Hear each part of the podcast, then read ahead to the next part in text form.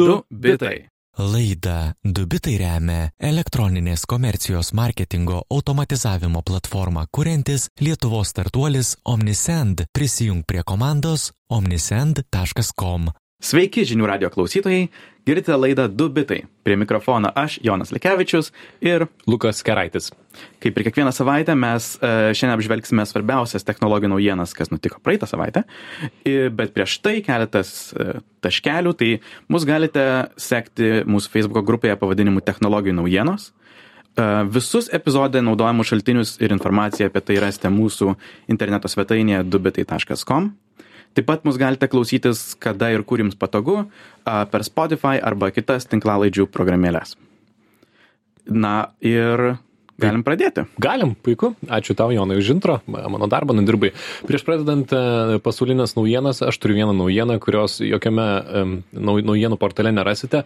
Man buvo įdomu, galbūt visi apie tai žino jau seniai, galbūt aš vienas esu atsilikęs ir, ir, ir senas, nors studentų visai buvau neseniai, bet sužinojau, kad ir Lietuvoje studentai, kai kurie, turi naudoti programėlę, kai nuotoliniu būdu mokosi, e, kuri seka jų akių judesius. Ir jeigu tu laikai egzaminą ir nužiūri į šoną, e, dėstytojas gali pamatyti ir tai išmesti iš- egzamino. E, Ta konkreti programėlė buvo Small, kurią man įvardino. Aš tiesiog buvau baisiausiai nustebęs, kad tai yra naudojama Lietuvoje. Aš, Geras. aš atsimenu, šią vasarą buvo daug skandalų, turbūt su tuo susijusių, todėl, todėl čia buvo toks pirmas a, ar antras jau net a, egzaminų sezonas pandemijos laikotarpiu. Ir programa, kuri buvo nugarsėjusi pasaulyje, yra tokia Proctorija, kuri tiesiog daro tą patį. Jis įsikiša giliai į tavo kompą ir stebi viską, ką tu darai.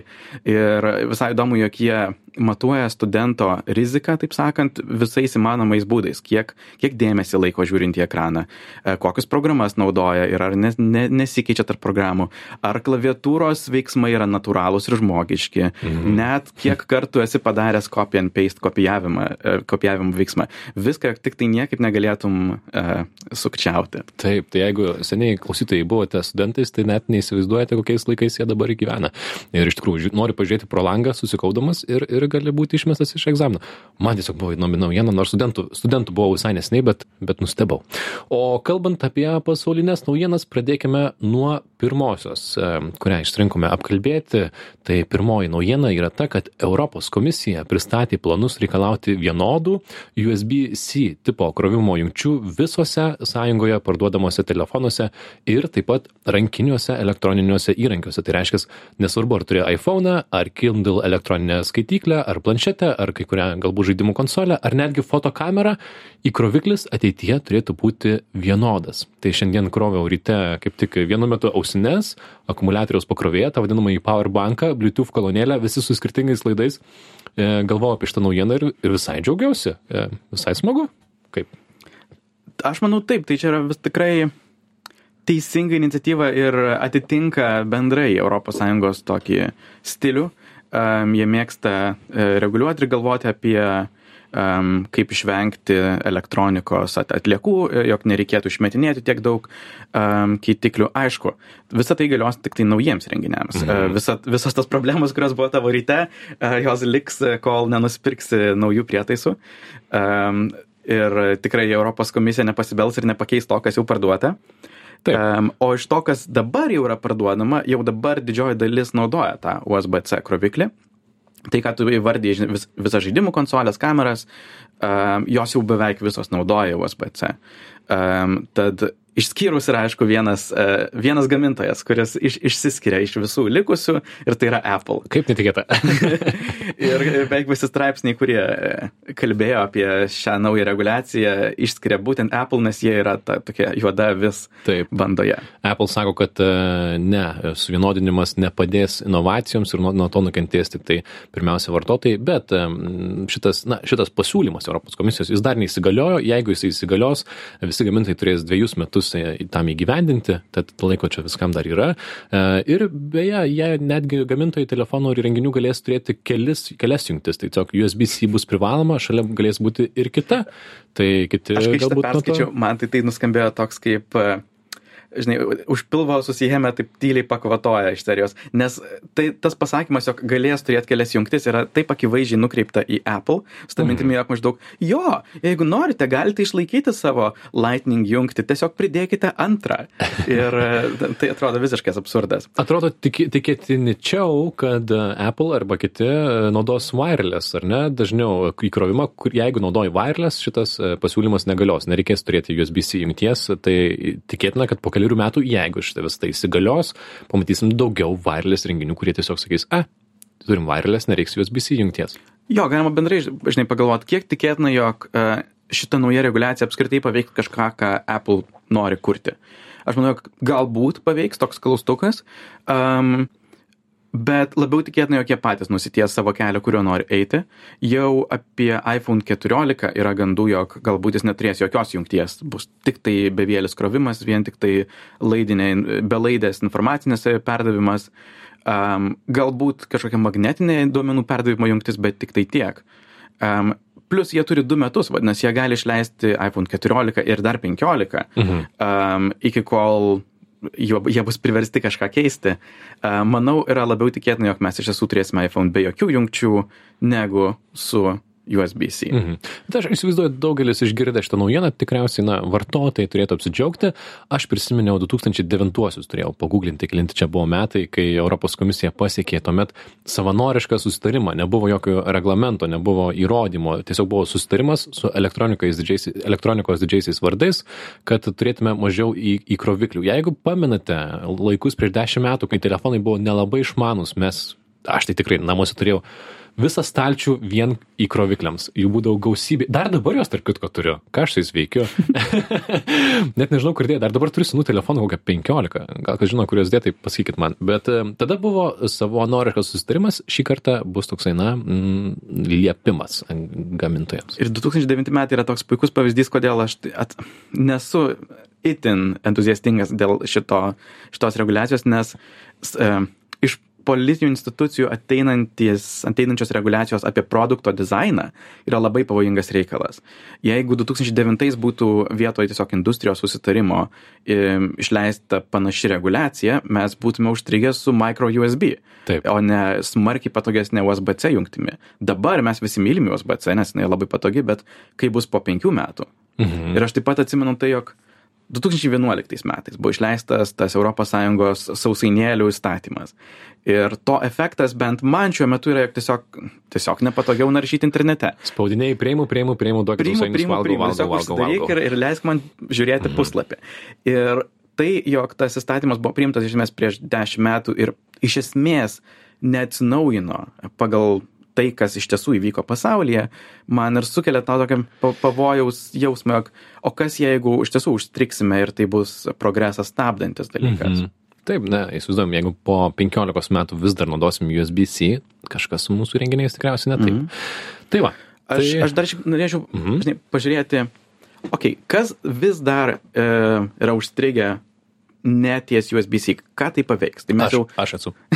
taip, taip. Mes, mes pašnekėjome apie Apple, kurie šiaip yra truputį suinteresuoti išlaikyti savo jiems specialią Lightning jungtį, nes jie turi tokią Made for iPhone programą ir jeigu nori gaminti kažką, kas jungtųsi prie iPhone telefonų, turi mokėti Apple apie 4 dolerius už vieną prietaisą, kas gamybos kaštose susideda ir smarkiai pabrangina produktus.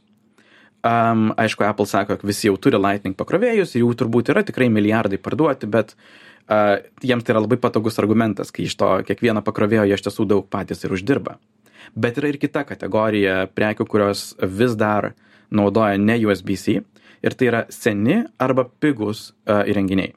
Seni tai yra net naujinti Android telefonai, pavyzdžiui, mhm. jų vis dar gali nusipirkti su micro USB ir jie yra pigus todėl, jog jie naudoja senus modelius. Senes motininės plokštės arba tiesiog e, seno modelio kažkokias pakrovimo instaliacijas.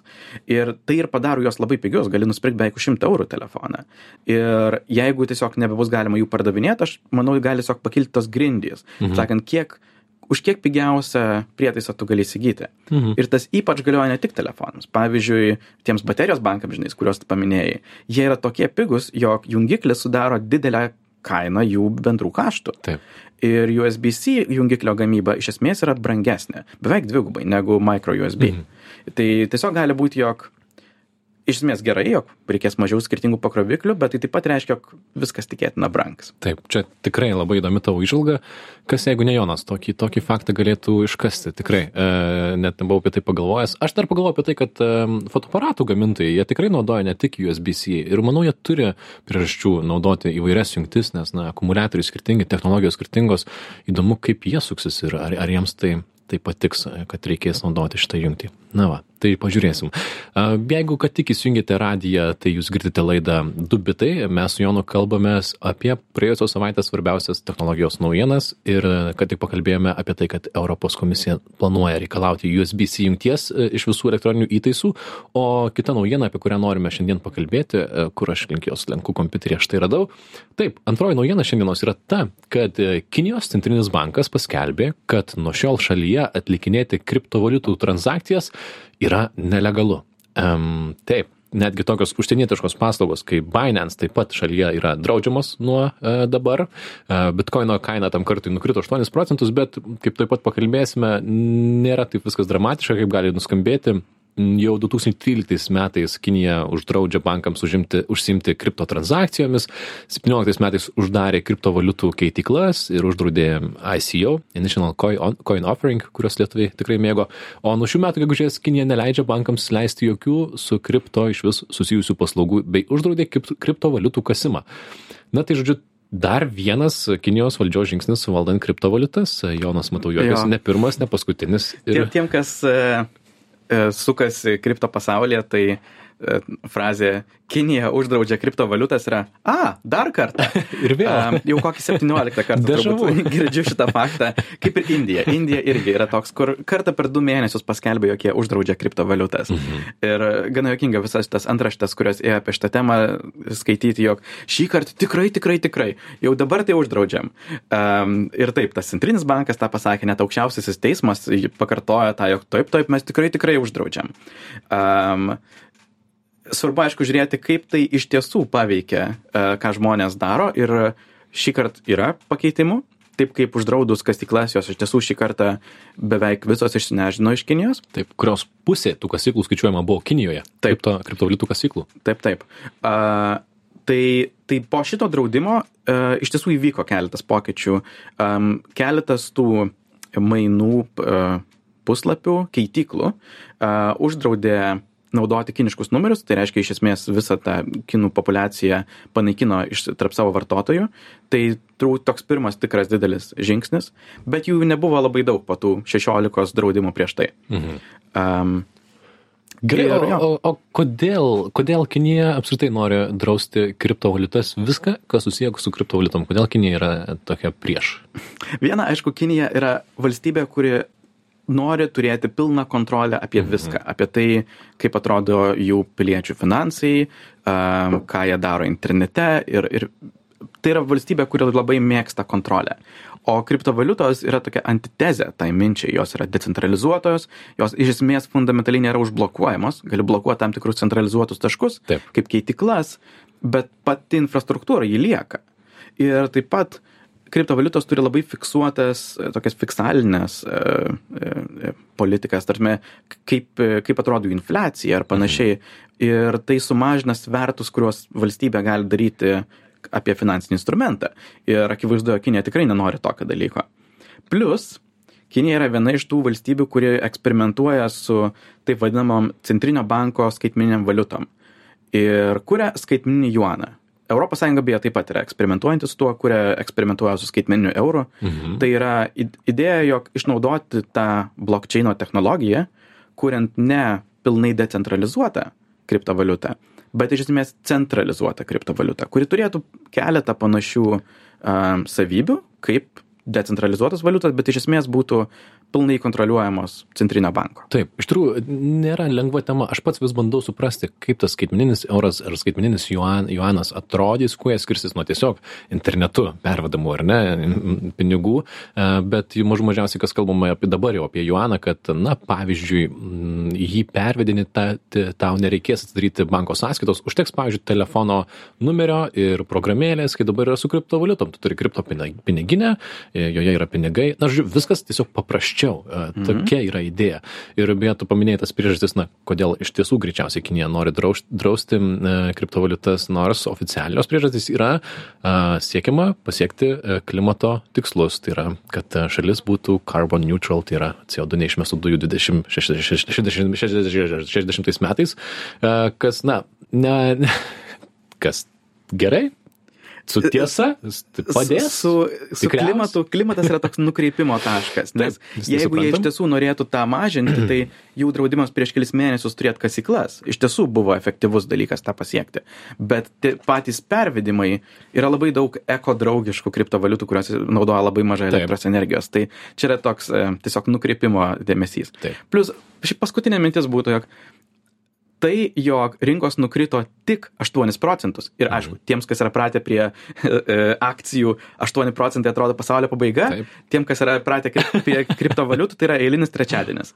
Um, kartais Elono Musko koks nors nusičiaudėjimas Twitter'e daugiau pakelia um, negu šitas Kinijos naujienos. Tiesa. Ir tai reiškia, jog iš esmės jau nieko nebestebina tas, jog Kinija, sakau, 17 kartą uždraudžia kriptovaliutas. Aš e, manau, jog taip, turėsime dar mažiau um, kriptovaliutų vartotojų Kinijoje, bet jų niekad nebuvo daug. Mhm. Ir iš esmės niekas per daug nepasikeis. Taip, buvo daug kasėjų, daug kasėjų tai tikrai buvo. Jo, kasėjų tikrai buvo labai daug. Ir Taip. tai, jog jie buvo ištremti iš Kinijos, iš esmės yra geras dalykas bitkoinui. Mhm. Nes tai buvo vienintelis toks tikras centralizacijos taškas visoje ekosistemoje. Nes vartotojai buvo decentralizuoti, pats tinklas buvo, tačiau tai, jog kasimas buvo beveik vienoje šalyje, buvo silpna vieta. Taip. Ir Kinija, galbūt norėdama sunaikinti bitkoiną, jį puikiai sustiprino. Mhm. Apsirtai, man turbūt viena stipriausių kritikų apsirtai bitkoinų yra tai, kad e, taip, jis turėtų būti, mes, idėja buvo, kad mes kasime kiekvieną savo kompiuteriuose, štai mažose ir telefonuose, o iš tikrųjų taip tiesiog Kinijos yra didžiulės fermos, kur tai vyksta masiniu būdu ir decentralizuota kriptovaliuta yra kasama centralizuotai. Na ir Kinija dar turėjo ir elektros problemų, nes tiek tos elektros naudodavo, kad kai kurie rajonai būdavo ne iki galo apšviečiami. Tai va, tokia naujiena iš Kinijos, ar ne? Ir dar pabaigai lieka mums viena naujiena, tokia linksmesnė, iš Amazon, kadangi Amazon visai nesnei turėjo savo rudeninį naujų įrenginių pristatymo renginį, kuriame šitą pristatė, šitą jokingo, šitą naujo, daugiausiai jokingo, man bent, tų įrenginių savo visokių išmanių namų pasiūlymų pasiūlymų. Kas tau, Jonai, patiko iš šitų jos pasiūlymų? Aš manau, vienas iš įdomiausių dalykų apie visą renginį yra tai, jog jo neįmanoma suvesti į vieną sakinį. Ir tas galioja visiems Amazon renginiams. Jie yra tokia kompanija, kur yra toks pasakymas Makronų mėtymas į sieną, kur tiesiog um, meti krūvą dalykų ir žiūri, kurios idėjos veikia, kurios neveikia. Tai jie Aha. pristatė nežinau, turbūt irgi 17 skirtingų e, kokių nors prietaisų ir renginių.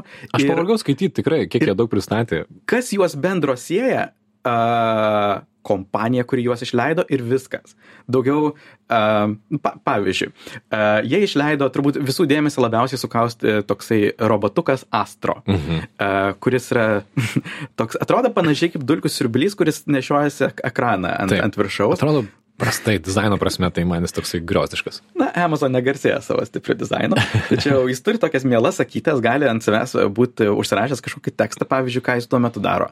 Jok jisai e, tikrina namuose išgirsta garsą arba veža kam nors uh, įstatytą, jis turi tokį dekliuką, gali įstatyti alaus uh, buteliuką. Didžiausia arba... naujiena, kad galiu liepti, štai uh, Astro, nunešk Jonui buteliuką alaus. Nealkoholinio. Nealkoholinio. Ir štai robotas asistentas už 1000 eurų, kuris gali tai padaryti padaryti. Aišku, gali atsiliepti skambučius, gali su kamera pakelti ir pažiūrėti, ar užsukai dujinę nuotoliniu būdu, bet iš esmės tai yra dulkių siurblys su planšetė prisukta ant galvos. Aš tai taip pasakyčiau.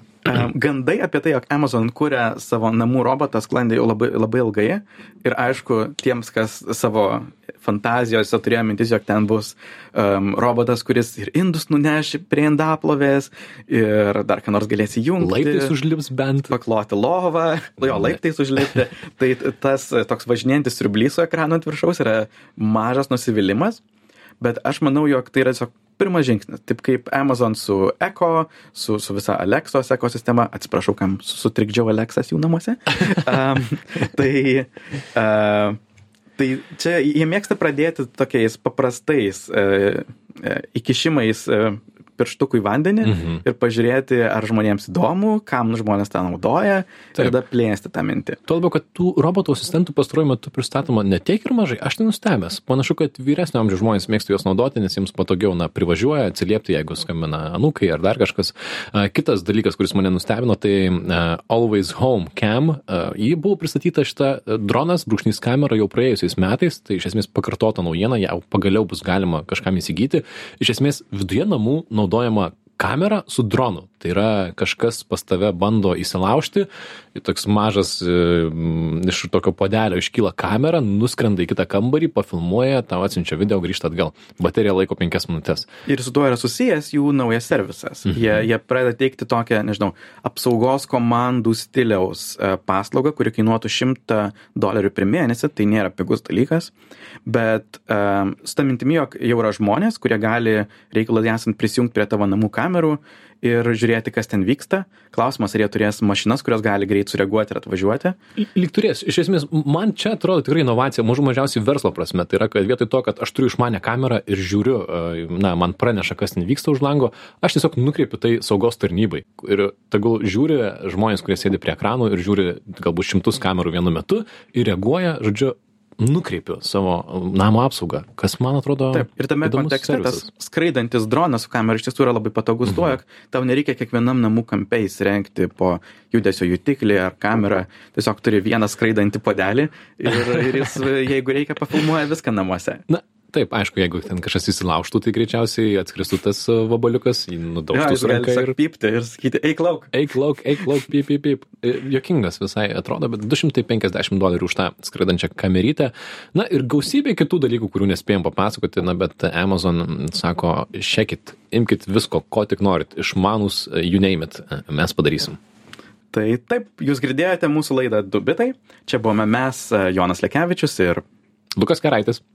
Tad, kaip visada, mūsų laidų įrašus rasite žinių radijos svetainėje žinių radijas LT. A, Galite mūsų klausyti per Spotify ir kitas platformas.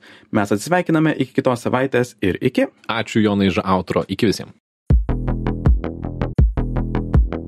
Du bitai. Laida Dubitai remia elektroninės komercijos marketingo automatizavimo platformą kuriantis Lietuvos startuolis Omnisend. Prisijung prie komandos omnisend.com.